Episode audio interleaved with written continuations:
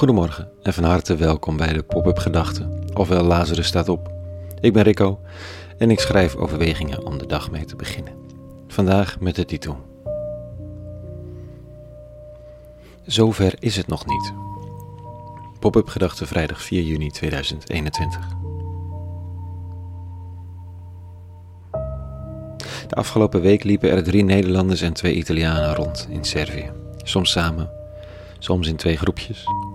Vandaag keerden ze terug, elk naar hun eigen werk of studie.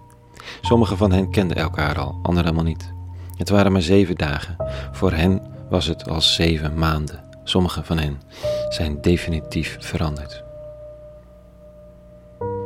Wat hen daar bracht?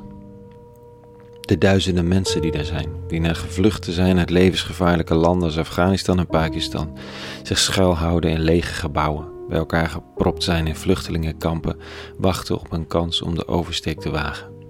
Vele van hen zijn gewond. Ze zijn gebeten door grenshonden, hun voeten zijn kapot gelopen, alles is hen al meerdere keren afgenomen en ze worden voortdurend opgejaagd. In de kampen zijn er te veel wanhopige mensen op één plek en delen ze vaak één matrasje met een onbekende ander. Er is te weinig plek. Buiten de kampen komt de politie regelmatig om hen aan te houden, spullen af te nemen, te verjagen. En wat deden die vijf dan? Nou, ze deden wat ze konden en dat is niet veel. Elk moment van de zeven dagen op weg gaan naar hen om contact te maken, te praten, muziek te maken, samen te eten, thee te drinken, te luisteren. De argwaan bij mensen onderweg is soms zeer groot en zeer begrijpelijk. Ben je dan niet van Frontex, het agentschap dat min of meer een oorlog ontketent tegen migranten? Nieuwste uitvinding, een geluidskanon, speciaal ontwikkeld om mensen onderweg weg te jagen. Of ben je grenspolitie of wat dan ook. Maar muziek en grappen en eerlijkheid breken het ijs. Als twee van hen blijven slapen in een kraakpand waar 35 jongens tijdelijk onderdak hebben gevonden, maak ik me een klein beetje zorgen. Zou het veilig zijn? Maar Melvin, een van hen, vertelt de volgende dag hoe ze werden rondgeleid en hij zijn tas in één kamer had laten liggen met zijn spullen en zijn jas met portemonnee in een andere kamer en hij 100% zeker wist dat het daar veilig zou zijn. De volgende ochtend kwam een van de vluchtelingen zijn telefoon brengen. Hier, hij is opgeladen. Hm. Die bleek minder geslapen te hebben dan hij. Waarom? Hij had met een paar anderen de wacht gehouden op het dak, voor als er politie zou komen. Dan kon je namelijk maar beter maken dat je wegkwam. Zelfs in deze beroerde omstandigheden sliep de Europeaan met papieren beter dan de vluchteling, de gastheer. We noemen deze tochten walks of shame. Het confronteert je met de schaamte die opkomt als vluchtelingen vertellen wat hun situatie is en hoe er met hen wordt omgesprongen.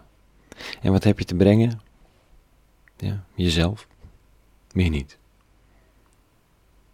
Vandaag lees ik dit in de ochtendoverwegingen, eh, in de ochtendteksten. Een psalm. Recht doet hij aan de verdrukte, brood geeft hij aan de hongerige, de gevangenen bevrijdt hij.